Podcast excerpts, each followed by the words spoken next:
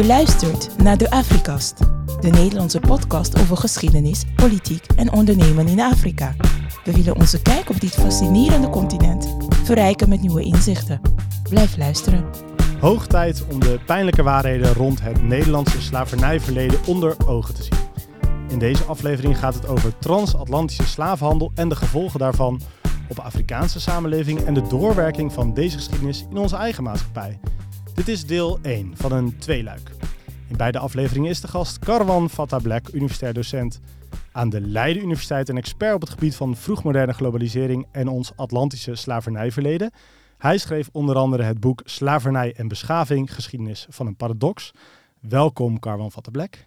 Dankjewel. Ontzettend leuk uh, en fijn dat je er bent. Ik denk dat ik een hele hoop van je kan leren. Uh, mijn naam is Jos Hummelen van NGZ. Dit keer zonder co-host in de gevangeniscel Wolvenplein in, het, in de fameuze podcastcel. Dat is niet een isoleercel, gelukkig. Want we zijn niet alleen. We zijn niet met z'n tweetjes. Nee, we hebben ook wat publiek. Natuurlijk degene die de hamvraag stelt. En dat is dit keer niet iemand uit de redactie. Nou, dat wordt spannend. Um, in beide delen van het tweeluik laten we Black Spirituals horen. Als eerbetoon aan de Afrikanen die werden geroofd en als goederen werden verscheept en verkocht. Car, ik mocht Carwan zeggen, dank Zeker. daarvoor. Ja hoor. Hebben wij eigenlijk dezelfde link met dit thema? Namelijk dat we beide Nederlanders zijn en ons interesseren in onze eigen geschiedenis en de uitwerking daarvan? Ja, dat lijkt me, dat lijkt me de samenvatting. Ik heb geen verdere, diepere uh, verbondenheid met het thema uit mijn familiegeschiedenis of zo. Nee. Kom je wel eens op een plek dat mensen jou uh, uitnodigen op, puur op basis van je naam en dat je dan zegt, oh, dit is een misverstand of zo? Nou, als, als mensen uh, me uitnodigen vanwege de diversiteit, dan kom ik meestal niet. Maar, uh, Waarom nee. niet? Nou, vind ik denk dat ik genoeg expertise heb op hele specifieke dingen, dat ik graag daar ja, voor word op de gevraagd. inhoud. Ik word graag op de inhoud gevraagd, ja. ja, ja. Uh, nee, Zou dus misschien dat, een beetje in doorgeslagen, alleen maar gewoon puur op de diversiteit te letten. Nee, ik vind het, dat het moet gebeuren, maar juist omdat het op de inhoud kan. Ja, en, en word je wel eens activist genoemd? Door boze collega's die niet willen horen wat ik zeg, ja. Uh, Alleen door boze collega's? Ja, eigenlijk wel, ja. ja. Nou, dat is nog goed. Voel je daar ongemakkelijk bij? Nee. Dus, je, dus als ik je activist noem, is dat prima? Nee, dat denk ik niet dat het terecht is. Ah, ik begrijp waar het vandaan komt. Ja. Ehm, en ik vind het niet terecht. Maar dat, nou ja, dat, het is een soort manier om als je het, de discussie niet kan voeren, om dan degene met wie je in gesprek bent te marginaliseren. Ja. Of te zeggen, die, die valt buiten het wetenschappelijke discours, die valt buiten het gesprek. activist. Die, ja, dat is een activist, die, heeft, die is niet bezig met de feiten, met uh, deugdelijk Je onderzoek. voedt de linkse politieke agenda Bijvoorbeeld. Ja, ja, zoiets. Oké, Ja. ja. Nou, ik heb je boek gelezen. Ik moet zeggen, ik vind dat helemaal niet. Heel feitelijk juist. Eh, misschien zou je het tegenovergestelde ook wel eens terugkrijgen, dat het juist te feitelijk is. Omdat Ja. het ook over gevoel gaat. Eh, mensen, echte mensen die echt hebben gelezen, geleden.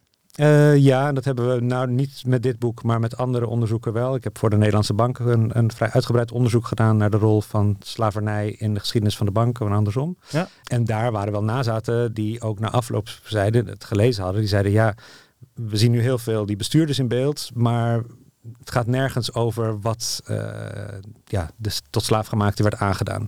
Nou ja, dat is, ja, dat is een, denk ik ook wel terechte kritiek. Dat is gewoon de, de, de, de, de vraag van het onderzoek en wat eruit komt. Ja. Maar ja, dat, dat komt wel, uh, ja, dat komt wel eens. Uh, wel een moeilijke balans uh, lijkt me, die we ook moeten bewaren in deze aflevering.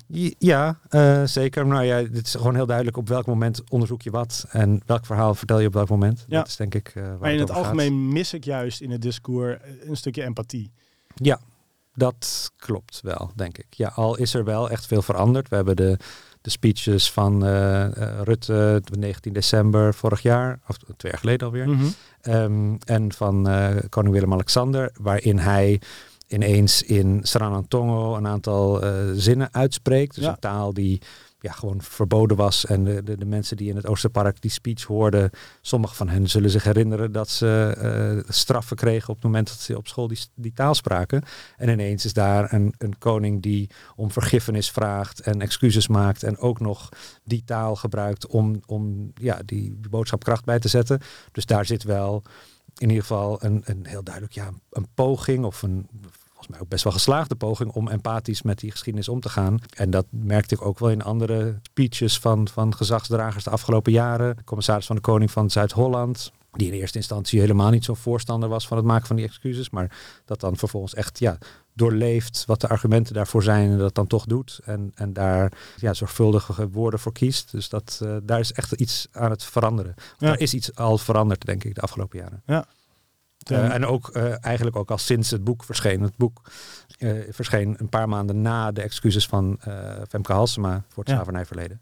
Ja, de burgemeester van Amsterdam. Ja, een burgemeester van Amsterdam. En zo zie je, dat zag je bij demissionair minister-president Mark Rutte. Die ging echt, het, overigens uh, heeft hij geschiedenis gestudeerd, dus dat is wel een beetje bijzonder misschien. Maar je zag dat toen hij zich erin ging verdiepen, dat hij het toen ook ging invoelen. En toen hij daar zijn excuses voor maakte namens het kabinet, namens de regering, waar overigens de koning onderdeel van is. Ja, toen voelde hij ook die empathie en hij, uh, ja, hij beleefde het ook echt zo. Mm. En ik hoop dat, nou ja, dat meer Nederlanders dat proces ook meemaken. En misschien, ja, wij doen daar natuurlijk een bescheiden bijdrage aan. Maar ik moet zeggen, ik in de voorbereiding naar dit, gesprek, naar dit gesprek heb ik ook wel een paar stappen gemaakt in mijn denken. Dat ik dacht, hey, weet je, ah, Hmm. oké. Okay. En, dat, en dan, dan helpen Hmm. feiten en dan helpen ook beelden. En dan helpt zo'n gesprek. Uh, waarvoor ook uh, dank voor het schrijven van het boek überhaupt. Ja, voordat we wat academischer gaan kijken naar deze geschiedenis, wil ik twee dingen nog van je weten. We zitten in een cel. Naast je staat zelfs een ongebruikte pispot. Uh, hoe centraal is het thema gevangenschap als we het over slavernij gaan hebben? Dit vind ik, dit vind ik eigenlijk een hele lastige vraag. Ja. Die, ik voel me een beetje ongemakkelijk bij. Bij dat je in de gevangenis zit? Ja, het is gewoon toevallig hoor, want hier nemen we altijd op. Ja. Maar we gaan het hebben over mensen die ook gevangen worden genomen. En ook Ja. gevangen zijn als ze in een schip zitten. En over Ja. de oceaan. Ja. En daarna ook verkocht worden. En Ja. ik was toevallig voor de kust van Dakar ook op van die Mhm. plekken waar dan eh, men tot slaafgemaakt werden verhandeld. En dan had je ook allemaal van die kleine celletjes. Ja. en nu zitten we ook in een kleine cel een kleine daarover cel, te praten. Ja, nou, deze cel is dan weer niet zo heel klein als je het eh, vergelijkt met de ruimte die mensen aan boord van schepen hadden. Maar ja, die, je, hebt, je voelt meteen wat eh, dat soort fysieke beperking doet. Mhm. Het, het heeft heel veel impact. Het is heel beklemmend. Ja, Dat, dat gaat, slavernij gaat over iets veel eh, groters. ja, Dat gaat over echt het eigendom zijn van iemand anders. ja. En dat hoeft niet binnen zo'n kleine ruimte beperkt te zijn. De plantage is, een, is, is, is groot. Mensen lopen echt niet de hele dag met kettingen om. Maar eh, mensen worden wel daar gehouden en zijn iemands eigendom. Als ze kinderen krijgen, zijn die kinderen niet van hen, Ja. maar van de, Dus eh, soms van niet, de eigenaar. niet fysiek, maar wel Ehm, op papier nee. en een gevoel van. Nee, maar niet fysiek. En tegelijkertijd zitten er heel erg fysieke elementen Ja. wel aan. Je bent beperkt in waar je naartoe kan. Eh, mensen zullen vluchten en, en s'nachts een andere plekken vinden en een eigen ruimte creëren, ook op zo'n plantage. Maar dat neemt niet weg dat, dat uh, iedereen vanaf 12 jaar krijgt de, de, de initialen van de eigenaar gebrandmerkt op hun huid. Ja. Ja, dat, dat zijn. Uh, dus het is heel anders dan gevangen zitten in een gevangenis. Uh, of dat nou levenslang is of niet. Ja. Het gaat uh, zeker die transatlantische slavernij gaat over een hele extreme vorm van, van, van onderwerping. Ja. Um, en ook het, het, het recht dat privépersonen zich toe eigenden om dat te doen. De gevangenis is iets, iets dat de staat en dat uh, gaat, volgt op een straf en die uh, door een rechter bepaalt dat die, dat die terecht is. Ook als het soms misgaat, maar dat, Ja. er zit een soort van procedure Ja. waarvan je kan bedenken van nou hier is, dus, hier is schuld en hier wordt iets afbetaald. Ja. Um, die slavernij gaat helemaal niet daarover. Ja. is gewoon, deze persoon is van, van mij en uh, het maakt niet uit wat voor voorgeschiedenis daaraan uh, aan vooraf ging. Ja. Dus dat, ja, ik snap wel de vergelijking en het, het beklemmende gevoel is, is, uh, is daar. Um, Maar dat beklemmende zijn, gevoel komt nu door uh, de muren die dicht op Ja. elkaar staan. Maar dat beklemmende gevoel hou je ook al, Ja. werk je op een plantage. Ja. Ja, zeker. Ja. Hey, en het tweede wat ik wilde weten, we nemen eigenlijk altijd op vanuit Utrecht. Uh, alle, weet ik veel hoeveel afleveringen inmiddels. Wat is de relatie van de stad Utrecht met dit thema? Nou, je zou zeggen dat, dat de slavernijgeschiedenis van Nederland vooral iets is van de havensteden. Ja, uh, van de grote havensteden. Amsterdam. Zeker, Rotterdam natuurlijk Rotterdam. ook. En dat is toch de afgelopen jaren is dat beeld wel echt aan het veranderen. Doordat er allerlei stedelijke onderzoeken zijn gedaan naar de betrokkenheid. En dan kom je er toch achter, nou, de mensen die dat hebben onderzocht voor Utrecht, dat er allemaal plekken zijn in Utrecht waar mensen de winsten van dat slavernijbedrijf consumeerden. Maar ook dat de provincie Utrecht ja, zelf ook plantages in eigendom had. Dat organiseerde. Dat de grote helden, uh, literaire held als Belle van Zuilen ja, zij, haar familie verdient hun fortuin deels met die slavernij. En dat is het soort van fortuin waar zij vervolgens ook van kan profiteren en, en haar literaire carrière op kan bouwen. Dus ja, dat zijn verbindingen met die geschiedenis die je niet meteen verwacht in de steden buiten, buiten de zeeprovincies. Maar ook Deventer en Zutphen blijken een ja, directe, ja, blijken directe verbinding te hebben met, met de West-Indische Compagnie um, en met, met, met koloniale handel. En ook met het eigendom van tot slaafgemaakte mensen. Uh, en breder denk ik ook met die, en daar gaat slavernij en beschaving ook wat meer over, met die cultuur waarin op een gegeven moment het idee ontstaat dat er een, een blanke superioriteit is of een, een, een, natuurlijk voorrecht is om de wereld te mogen beheersen uh, en, en mensen in eigendom te mogen hebben. En dat laat culturele sporen na, ook als dat uh, niet heel direct een soort economische realiteit was op bepaalde plekken. Uh, maar ja, het is, het is grappig waar ik de afgelopen jaren geweest ben op uitnodiging van, van nou, de burgemeester. Ik was in, in, uh, in Reden, een plek waarvan je niet meteen denkt dat daar iets met slavernij is. Maar ja, al dat geld dat werd verdiend in de 18e eeuw, um, dat kwam ergens terecht en mensen kochten er mooie buitenplaatsen van en bouwden vervolgens een, een, een bestuurlijke carrière. En dus, uh, en dus is, er een, is er een link en dan hebben we onderzoek naar Harderwijk blijkt ineens dat er een brandmerk is met de initialen van de, van de burgemeester. Ja, dat, zijn, dat is een soort van verspreiding, een wijdverbreidheid van verbindingen met die geschiedenis die we denk ik tien jaar geleden niet verwacht hadden toen we langzaam eens begonnen met ja, dat die sporen in kaart. Als je het uh, thema wat meer open benadert. Zeker, ja, ja, ja. Uh, dat was, ja en, en daar moeten we misschien op een gegeven moment ook weer wat meer helikopterview uh, gaan kijken wat dat nou over die Nederlandse geschiedenis en cultuur als geheel zegt. Ook buiten de, buiten de zeeprovincies. Um, maar dat is, ja, dat is iets dat in de komende jaren kan gaan, kan gaan gebeuren.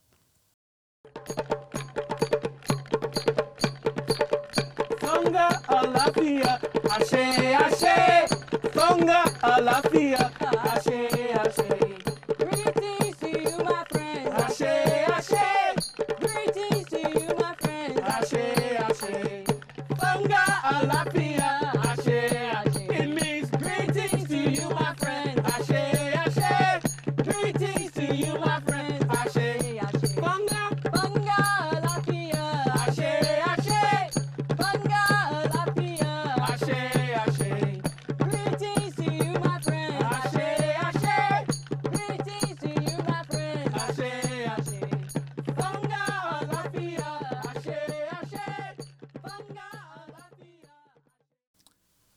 Gaan in de Nederlandse transatlantische slavenhandel duiken. Even wat piketpaaltjes. wat is de definitie van slavernij?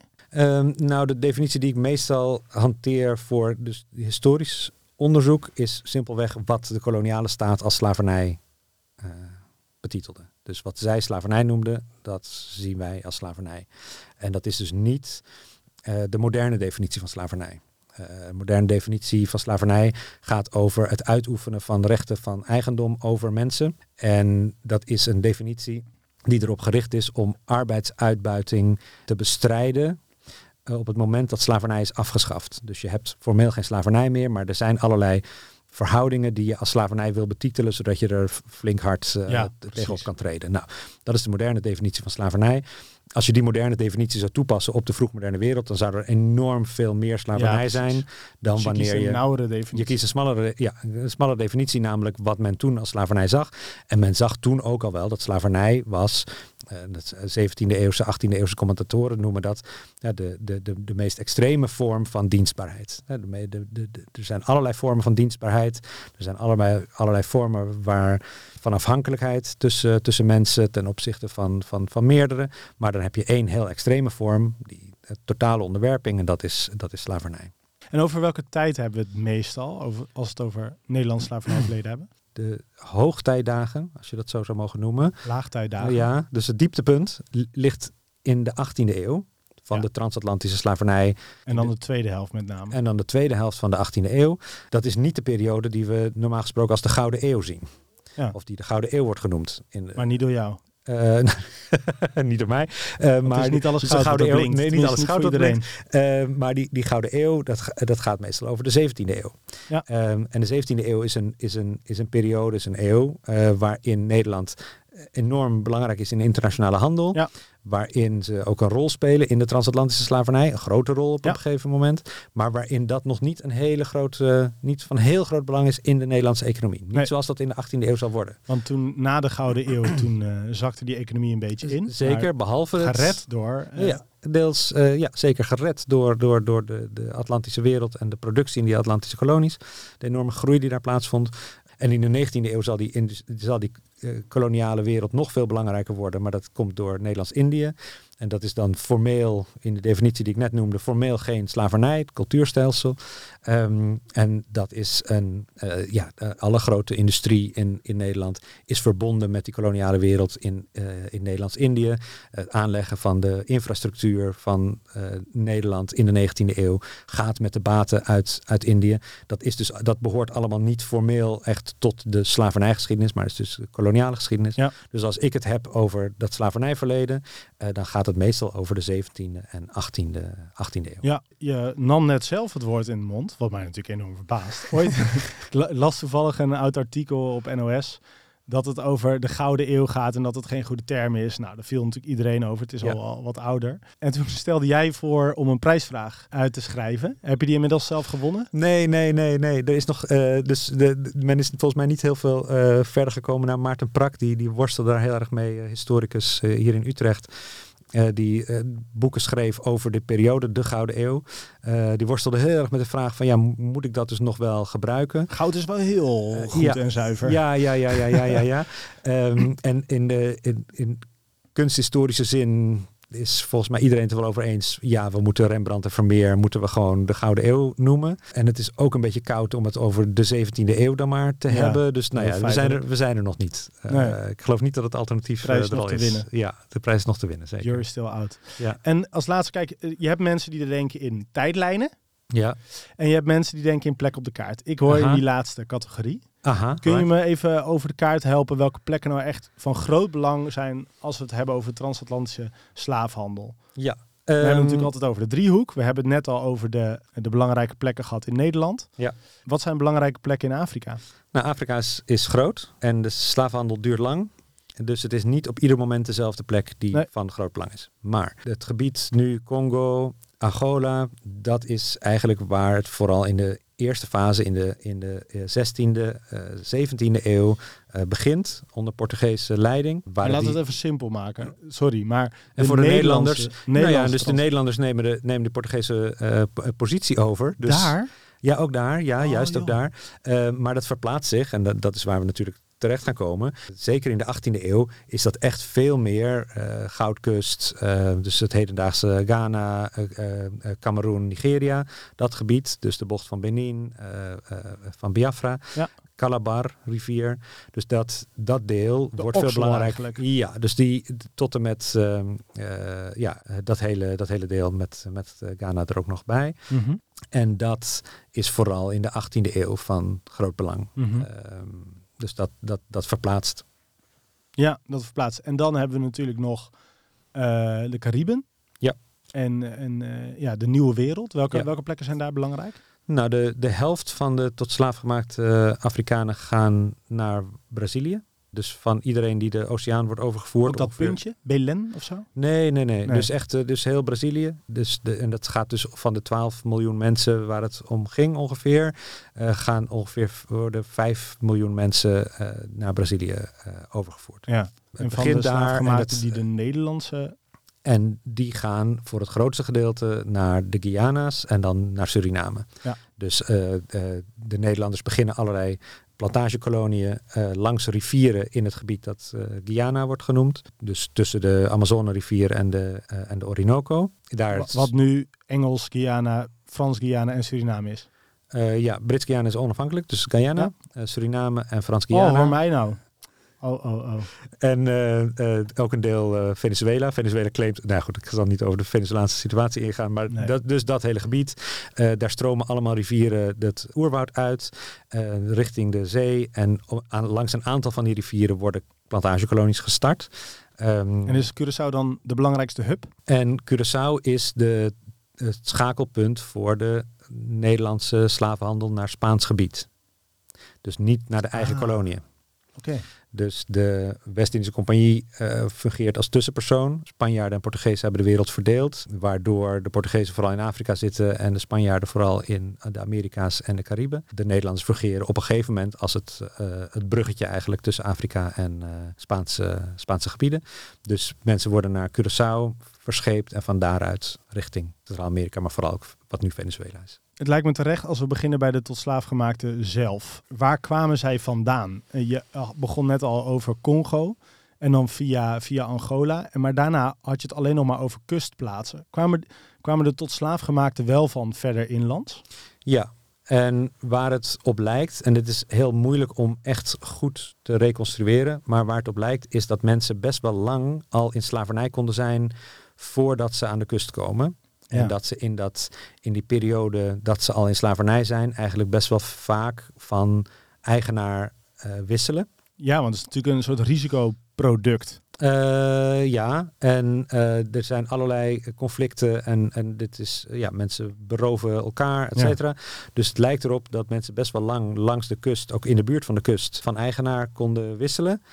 En dan ineens, als er een Europees schip is of als er een gelegenheid is, die kant op kunnen verdwijnen. Ja. En dan dus, eh, dan dus eh, weg zijn. Ehm, Maar wer- werken ze in de tussentijd? Of, of zitten ja, ze ja, ja, ja, ja, ja, ja, ja, ja, dus dat is ja, eh, dus vaak in landbouw of, of mijnen.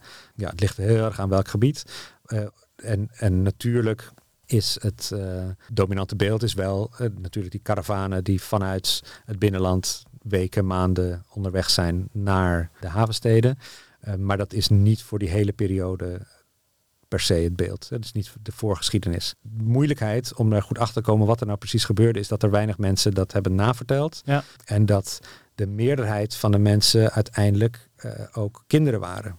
Dus er werden heel veel. Dit was, de, de slavenhandel was ook een handel in kinderen. Ja. Dus mensen werden op hele jonge leeftijd eh, geroofd, meegenomen, verkocht en kwamen zo eh, in de slavenhandel terecht. Ik snap dat dat lastig is. Uiteindelijk kwamen ze dan in, in kustplaatsen terecht. Ik, ik lees ook op verschillende plekken Bide of Biafra en Bide of Benin. Ja.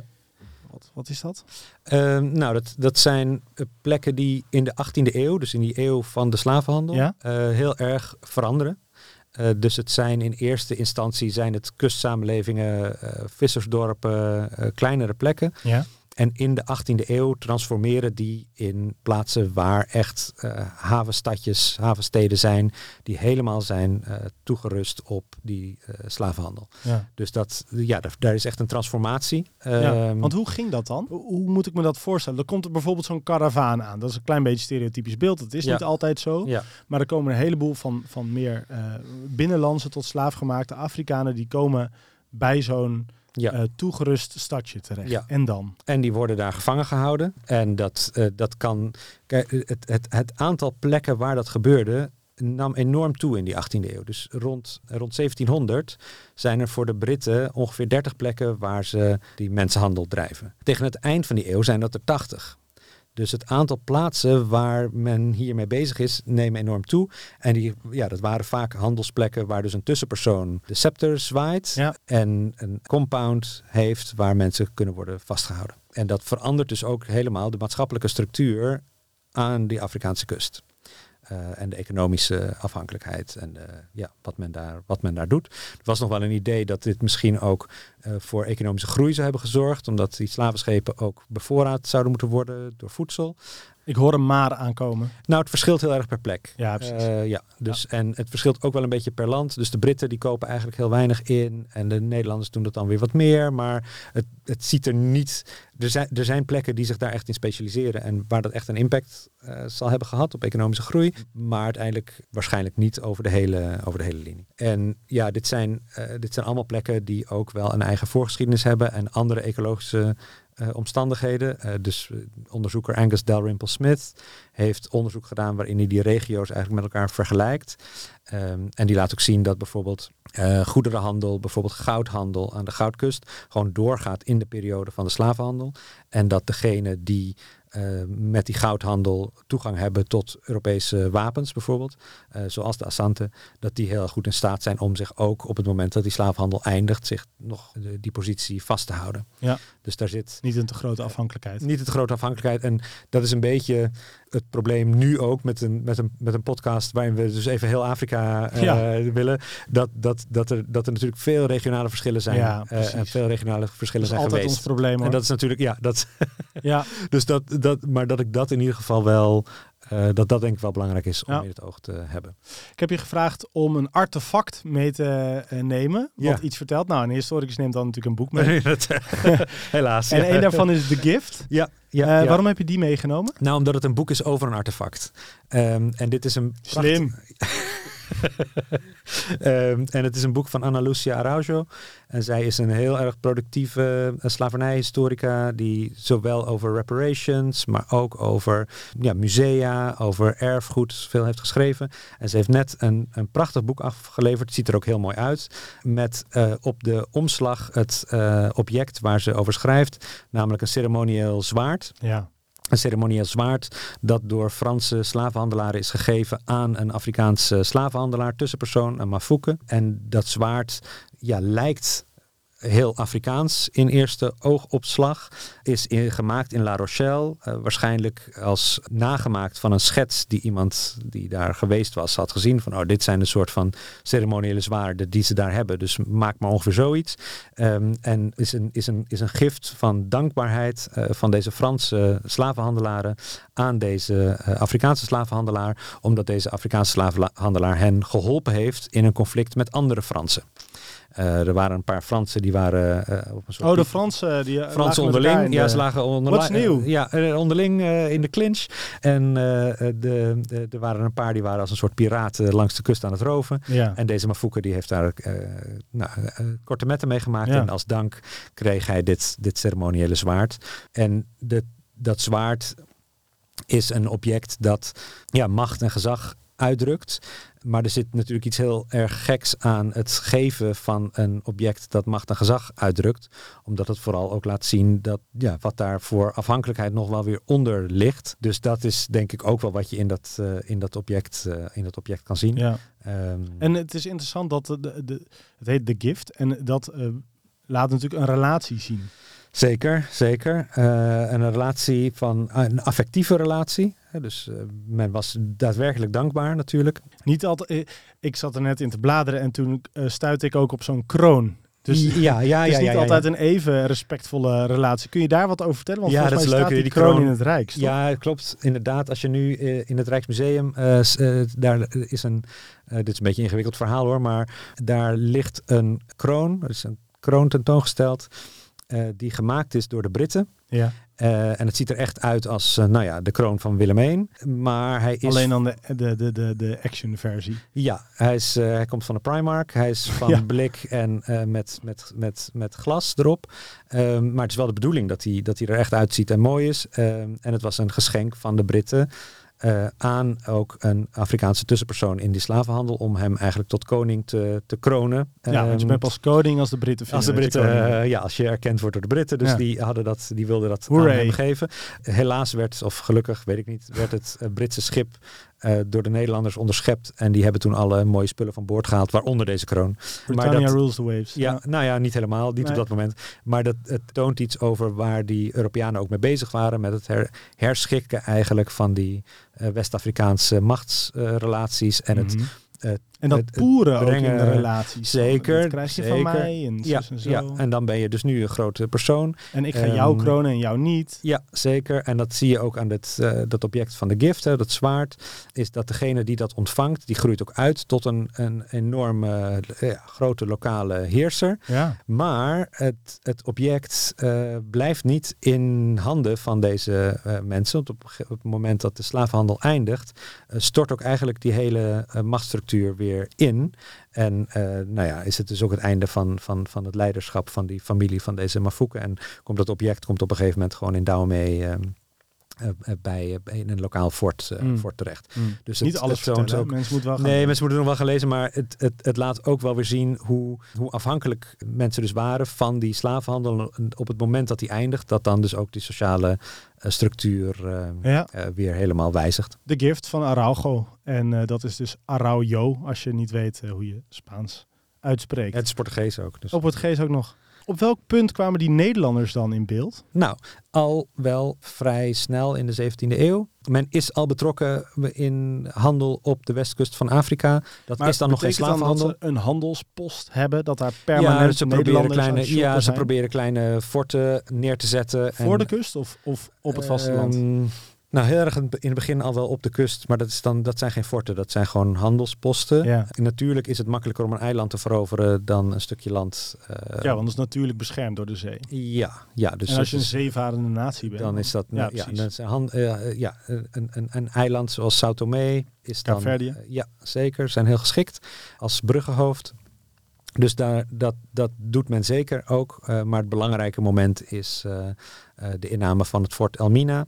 Eh, dat is Ghana. een Portugees fort. Ja, eh, 1637 zeg ik uit mijn hoofd. Dat is een, een fort dat belangrijk gaat zijn voor het hele Atlantische systeem van de, Ja. van de Nederlanders. Dat Ja. je echt een, een, een duidelijke plek hebt, eh, vaste voet aan de grond. En vanuit daar nog weer allerlei kleinere fortjes langs de kust ook. Dus Gingen dat de Nederlanders eerste eigenlijk eh, heel anders de te 17e werk dan de Engelsen, de Fransen of de Portugezen? Nee, nee, nee. Het, even lijkt, lomp, even Eh, respectloos, even racistisch.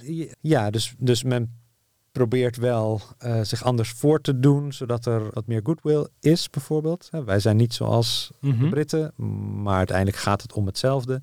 De Brandenburgers slagen er wat meer in om echt een, een, een, een lokale persoon tot, eh, tot grote hoogte te brengen. Dus ze hebben een oud fort en daar gaat gewoon een, een, een lokale machthebber, die gaat zich daar, die vestigt zich daarin namens die Brandenburgers. Maar nee, meestal is het gewoon proberen iets van een deal te sluiten met één groep of één lokale heerser en, en eh, ja, het recht te Ja. verkrijgen om daar te En, vestigen. en hoe konden we dit, we waren een christelijke maatschappij, hoe konden we dit naar onszelf toe goed praten? Er staat in de Bijbel niks over dat dit niet zou mogen. Het probleem was eerder dat men het niet deed in Nederland. Dus in de Nederlanden Waarom was geen slavernij. Ja, waarom dan in het buitenland wel? Ja, dat, dat, was, dat, dat is wat eigenlijk die hele geschiedenis lang voor spanning zorgt. Voor een Ja. soort ideologisch eh, conflict, voor een paradox.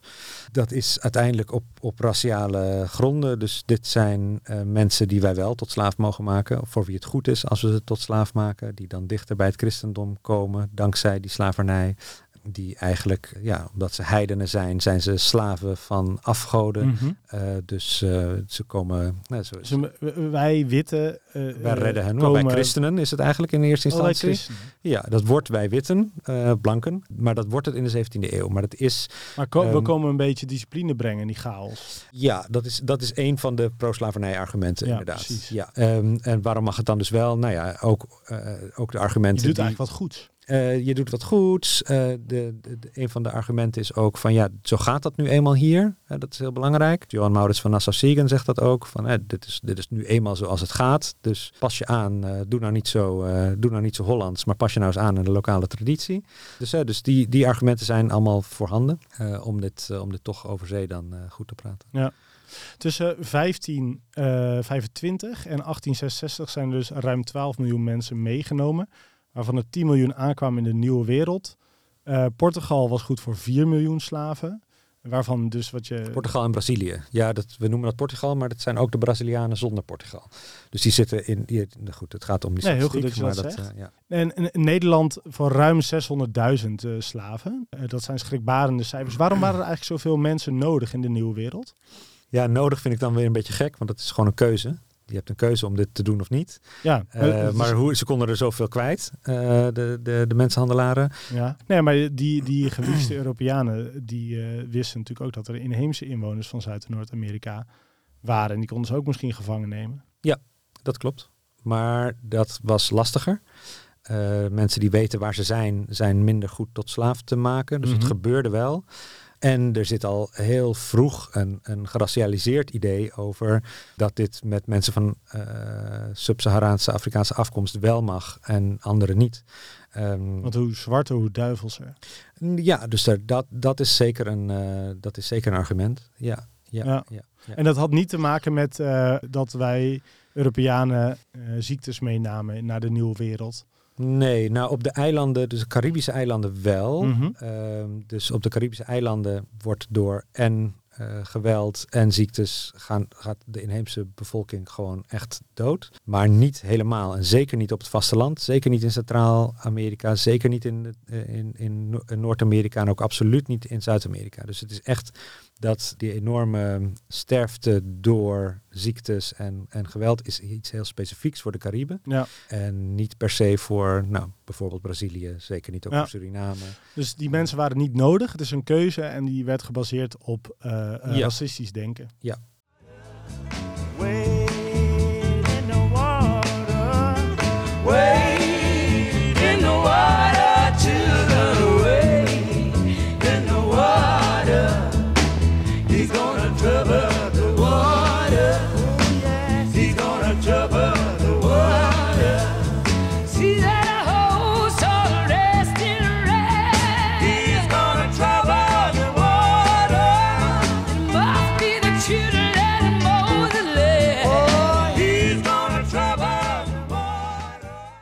Ik wil het heel graag met je hebben over de gevolgen van slavenhandel voor het Afrikaanse continent. Ja. Eh, die, want die ging ruim drie eeuwen door. Ja. Eh, wat, wat zijn de gevolgen geweest voor Afrikaanse samenlevingen? Dit is ook weer zo'n hele brede vraag. Ja, nou ja, dat, dat, dus Goudkust is denk ik een interessant eh, voorbeeld. Ja. Dus dat is eigenlijk een plek waar in eerste instantie juist tot slaafgemaakte mensen naartoe werden gehaald om daar eh, in die goudproductie eh, te werken.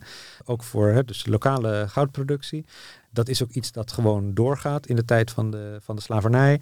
Die vraag vanuit de Europeanen is zo enorm dat ze op een gegeven moment van een, van een eh, tot slaafgemaakte mensen importerende samenleving naar dus exporterend gaan. En ja, dat is een, dat is een, dat is een grote verandering daar. Ehm, heel veel andere plekken waren er niet zo heel duidelijk mee bezig. Dus de, de, de, de, eh, Biafra en Benin. Maar worden plekken waar, zeker in de 18e eeuw, en nou, voor, voor eh, Biafra zeker ook in de, in de late 17e eeuw wel, waar dus die slavenhandel belangrijk wordt. En die ook niet heel veel anders dan gaan doen. Maar Dus ik bedoel wat voor, meer... Wat voor ehm, effect heeft het? Ja, het, het, het, het, heeft als effect dat, dat die samenlevingen een heel erg soort parasitair karakter krijgen. Dus hoe kom je aan tot slaafgemaakte mensen? Ja, eh, in eerste instantie kun je nog wel wat gevangenen verschepen, maar op een gegeven moment is, is oorlog de enige manier om mensen tot slaaf te maken. En dat noemen we dan oorlog, maar dat gaat gewoon over mensenroof. En Strooptochten. strooptochten, eh, ja, dus echt eh, mensenroof en dan eh, vooral ook kinderen. Ja, kinderen en vrouwen eh, worden, worden echt heel vaak tot slaaf gemaakt. Dat is ook iets Ja, waar ik niet zo va- vaak bij stilstond. Mijn stereotypische beeld is een zwarte ja, man. Ja, dus daarom, ja, ja, ja dat is, eh, eh, en, en dat, dat is ook iets wat een beetje afhankelijk van de Caribische samenleving hoor, maar volwassen man is meer geld of meer producten waard dan een vrouw of dan een, eh, dan een kind. Dus ja, dat is niet, dat is niet helemaal gek om dat Hmm. eh, te denken. En het gaat natuurlijk ook uiteindelijk vaak om eh, heel erg fysiek zware arbeid, waar men graag mannen voor, voor heeft. Je hebt een tweede boek meegenomen, Traders in Man. Ja. Je hebt wel meer boeken staan in je boekenkast. Ja. Waarom nou juist dit boek? Nou, omdat het net verschenen is en ik het las en ik het echt heel erg goed vond. Omdat het een, echt een poging is om niet alleen maar over eh, bijvoorbeeld Europese handelaren te schrijven, maar echt dat Atlantische gebied te integreren, de verschillende hoeken van die Atlantische wereld te integreren in, dat, eh, in die analyse. Ja. Dus dat vond ik heel, eh, heel, knap, heel knap gedaan. Het is echt op basis van, van jarenlang onderzoek. Nicholas Redburn doet veel voor de Transatlantic Slave Trade Database. Dat is een dataverzameling waarin alle gegevens over de slavenhandel worden verzameld. Er zijn 34.000 eh, slavenreizen eh, worden daarin eh, beschreven. Welk schip, welke, wie was de kapitein, hoeveel mensen aan boord, hoe verliep de reis. En ja, dat, dat, is, dat zijn gegevens die hij heeft gebruikt voor een heel indringend verhaal over ja, hoe, hoe plekken als Benin en, en Liverpool en Kingston, Jamaica aan elkaar verbonden waren. En dus, Dus dat- nog zijn. En, eh, en, dus ook, eh, en dus ook nog zijn, zeker. Dus daarom ehm, eh, heb ik dat boek meegenomen. Hij heeft een, een, een deel van het boek gaat niet eens per se hier over, de, over het handelsdeel, maar gaat echt over ja, wat gebeurde er aan boord van, van slavenschepen. Dus dat is als, als het gaat om nieuwe boeken die er verschijnen over het onderwerp, ja, een indrukwekkende combinatie van, van primair onderzoek en het, en het vertellen van een, ja, van een groot, groot verhaal. Traders in Man. Aanraden dus. Een knappe kop van Harvard, genaamd Frederick Ebb, stelt dat de economische kloof tussen Afrika en de rest van de wereld er zonder slavernij niet was geweest.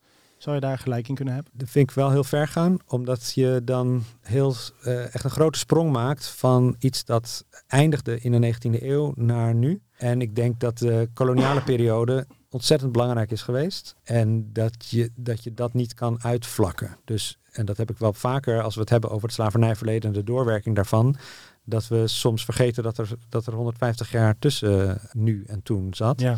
Dus als ik zo'n uitspraak hoor, dan denk ik ja, dat, dat natuurlijk. De, de, de wereld wordt gevormd door wat er hiervoor gebeurde. En die sprong wel heel, eh, heel groot. Ja, ja, snap ik, logisch.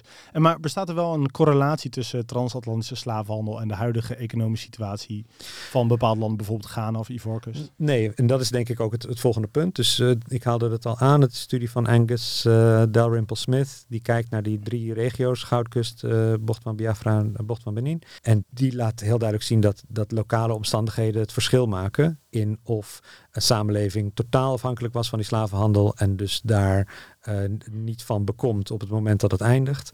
Of dat er politieke structuren of eh, economische praktijken zijn die gewoon doorgaan voor en na eh, de afschaffing. En ja, dat, dat, dat maakt dus alles uit. Dus het is, het is in die zin denk ik niet alles bepalend, eh, maar wel eh, heel belangrijk geweest. Eh, voordat wij in het heden aanbelanden en kijken naar de doorwerking van de slavernijgeschiedenis, gaan we eerst luisteren naar een column van Afrikast columnist Malin van den Berg. Malin, ga je gang. Slavernij. En in het specifiek de transatlantische slavenhandel. Een spannend onderwerp, inderdaad, om het over te hebben. Maar wel een hele belangrijke. Ik moet zeggen dat ik hier ook even goed voor moest zitten. Vooral om de beladen sfeer die er rondom dit onderwerp hangt. Dat er pas in 2020 excuses voor het slavernijverleden zijn gekomen, is volstrekt belachelijk. We hebben het hier over ongeveer 160 jaar. 160 jaar lang is er geen excuus aangeboden en hebben wij het gitzwarte boek genegeerd. Het wordt nu echt tijd dat we in Nederland eens grondig naar ons grote aandeel in de geschiedenis gaan kijken.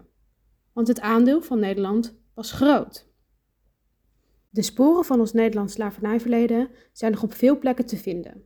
En we kunnen niet met een eurocentrisch perspectief kijken naar dit onderwerp.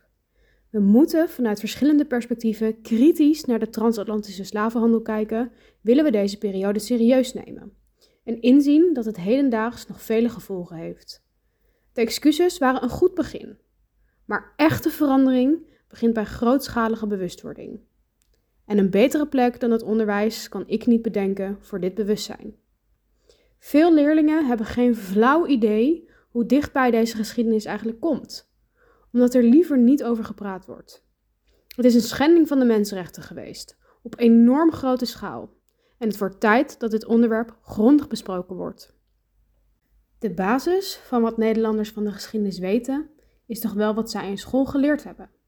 Deze normen, waarden en perspectieven worden meegenomen naar het volwassen leven en daar verder uitgebreid. Maar hoe mooi zou het zijn om ook al open tijdens de geschiedenis- of maatschappijleerles te praten over de impact van slavernij? Hier moet het toch beginnen. Het Nederlandse geschiedenisonderwijs volgt in grote lijnen het kanon, gebaseerd op 50 vensters van belangrijke personen, voorwerpen en gebeurtenissen, waaronder de Verenigde Oost-Indische Compagnie en de West-Indische Compagnie. Je zou toch denken dat er binnen het geschiedenisonderwijs in Nederland ruime aandacht wordt besteed aan het onderwerp slavernij. Dit is helaas niet waar. Ondanks dat het onderwerp in de afgelopen jaren steeds vaker in het curriculum voorkomt, blijft het gericht op economische en politieke aspecten. Het is dan aan de docent om hier dieper op in te gaan. Vaak gebeurt dat niet.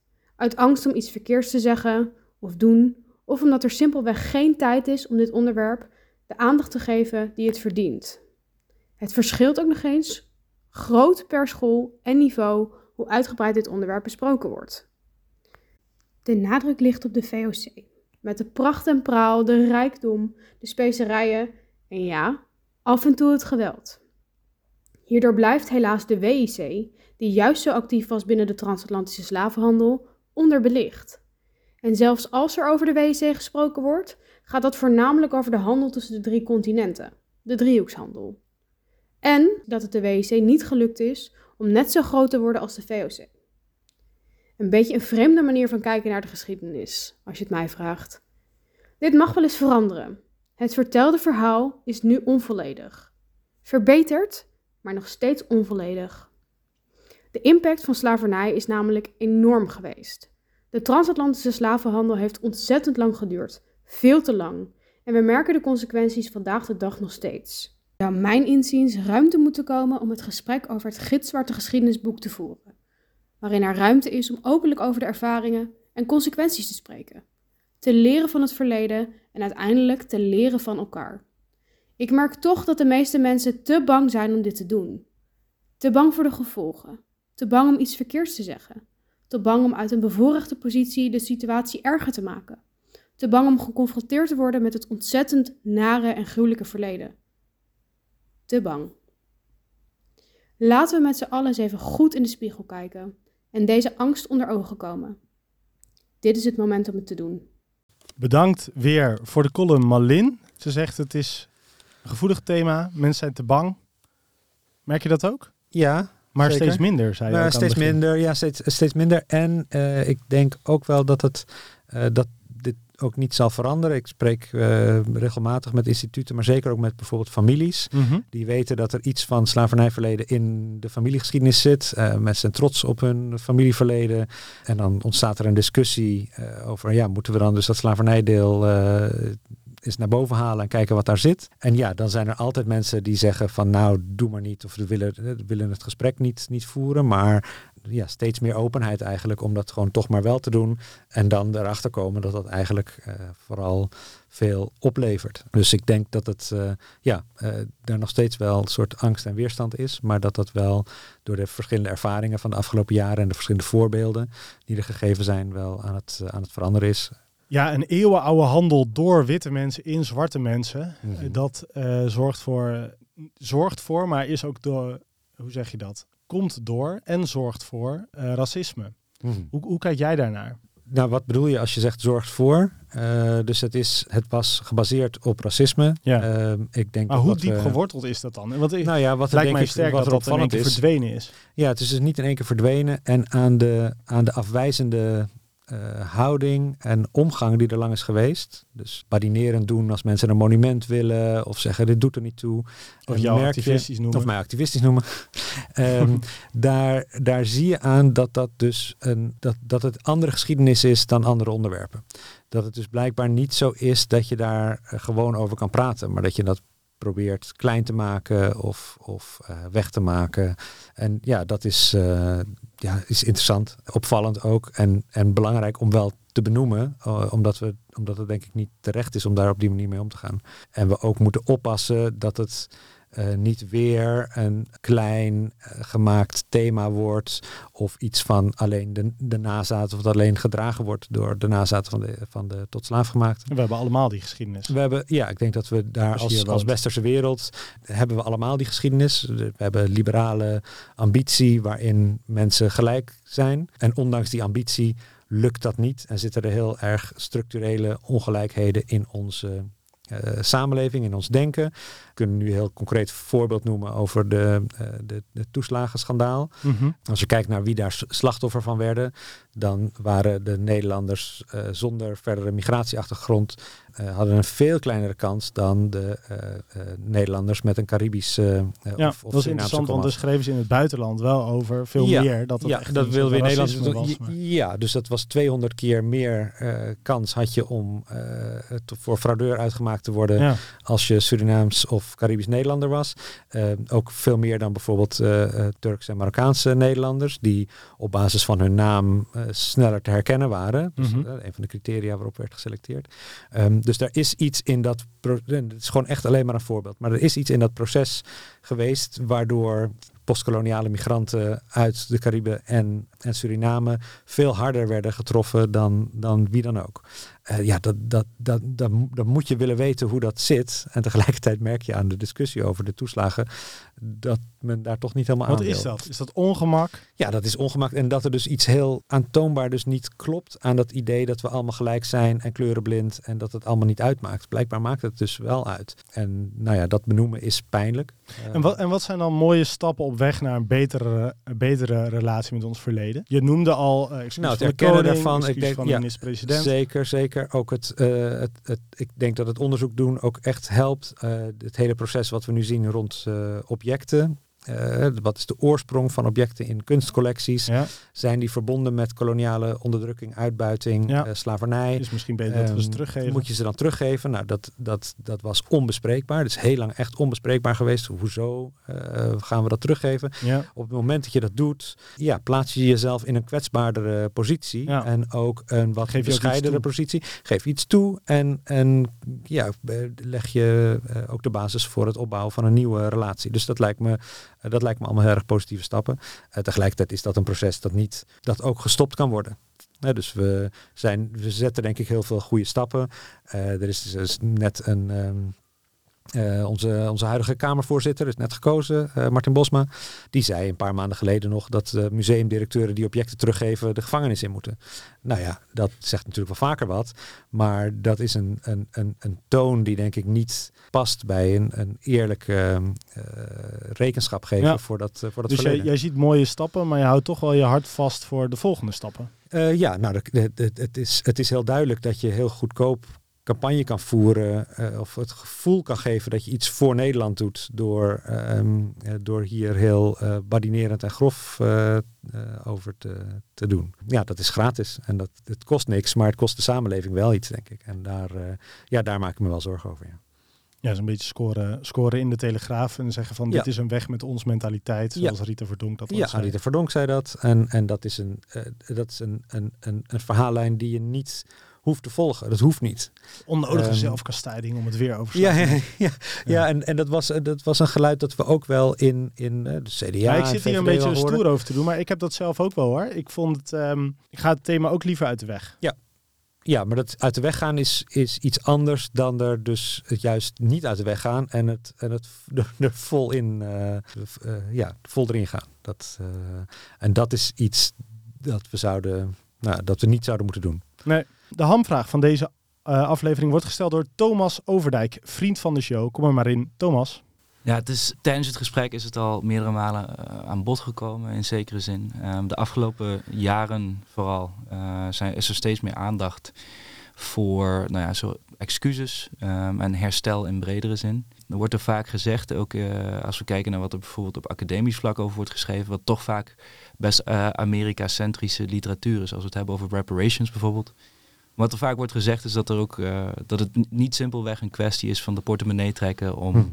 eh, een pleister op de wond te drukken. Maar dat er ook een, symbolische kant aan, zit en dat, er, hè, dat het kwest, een kwestie is van erkenning ook. Hoe kunnen we herstel begrijpen? Ik bedoel, dat is sowieso denk ik een, een brede vraag, maar eh, hoe zie jij herstel? En ook bijvoorbeeld ten opzichte van simpelweg restitutie.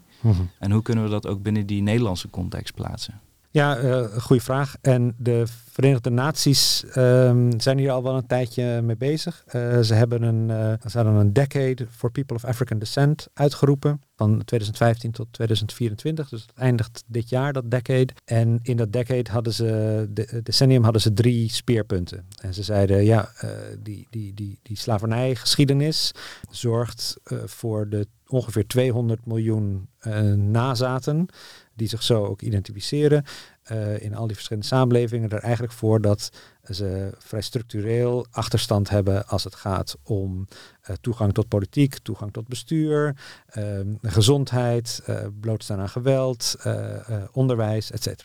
En dat gaat dus om alle nazaten in, eh, van, van die transatlantische slaafhandel, of dat nu gaat om de Verenigde Staten of Brazilië of eh, Suriname of Nederland. En zij zeggen, ja, we hebben eigenlijk een, een, een, een proces nodig dat bestaat uit, uit drie pijlers, namelijk eh, erkenning, justice, gerechtigheid en ontwikkeling. En wat we denk ik nu in Nederland de afgelopen jaren heel duidelijk zien, en waar ik zelf ook met historisch onderzoek wel bijdrage aan lever, is dat erkenning-deel. Eh, dit, dit doet ertoe. Eh, Stap 1 Stap eigenlijk 1, nog stap maar. 1 dus. En dat is precies omdat natuurlijk justice en development mm, echt ingewikkeld gaan zijn, omdat het ook pijnlijk kan worden. Eh, maar justice, dat kun je zien als toegang tot recht in de zin van burgerschap, van hebben mensen daadwerkelijk gelijke rechten, worden ze gelijk behandeld, worden ze gelijk gezien. En extremere, eh, als je dat, als je dat wat, wat, wat verregaander of wat radicaler opvat, dan gaat het dus over het, over het herstellen. En dat herstellen, ja, dat, daar, daar wordt op allerlei plekken wel mee geëxperimenteerd.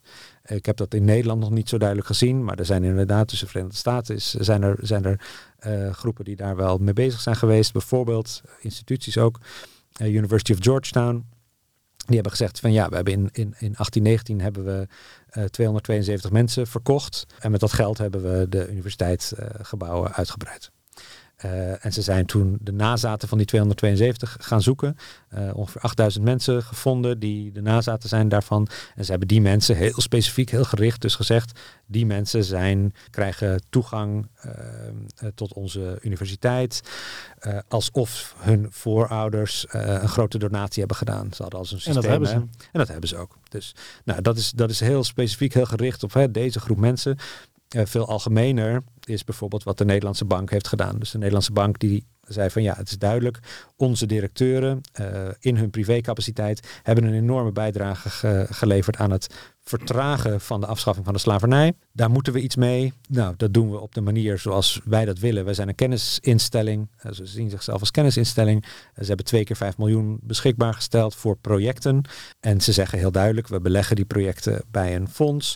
Eh, en het mag alleen naar ja, niet de standaard eh, subsidieclubs. Eh, dit moet echt vanuit gemeenschap iets bijdragen aan kennis, inzicht, et cetera. Dus dat zijn, ja, dat zijn manieren waarop dat, waarop dat gebeurt. Maar ja, het, ik denk dat het wel duidelijk is dat, dat iedere keer dat het gaat over genoegdoening of gerechtigheid of ontwikkeling, dat er meningen meteen enorm uiteenlopen over wat dat zou, zou moeten betekenen. En de, de CARICOM, Organisatie van Caribische Landen, vooral Brits, voormalig Britse landen, maar ook Suriname, die hebben dus nu een, een claim neergelegd. Die zeggen, ja, we hebben een tienpuntenprogramma, we gaan er maar invulling aan geven. En de eerste zeven, acht eh, punten gaan over eh, nou, toegang tot onderwijs, et cetera, et cetera. Maar er zit ook in, eh scheld onze schulden kwijt ehm, en eh, eh, betaal voor de schade die is geleden. Ehm, dus ja, dat, dat zit daar ook, eh, ook wel. Scheld onze schulden kwijt, dan schelden we jullie. Ja, Jouw schulden Zoiets, ja, ja. En de vraag is dus heel erg of dat, of dat een, iets tussen, eh, eh, tussen naties moet zijn, maar eh, dat is de vorm die het nu heeft.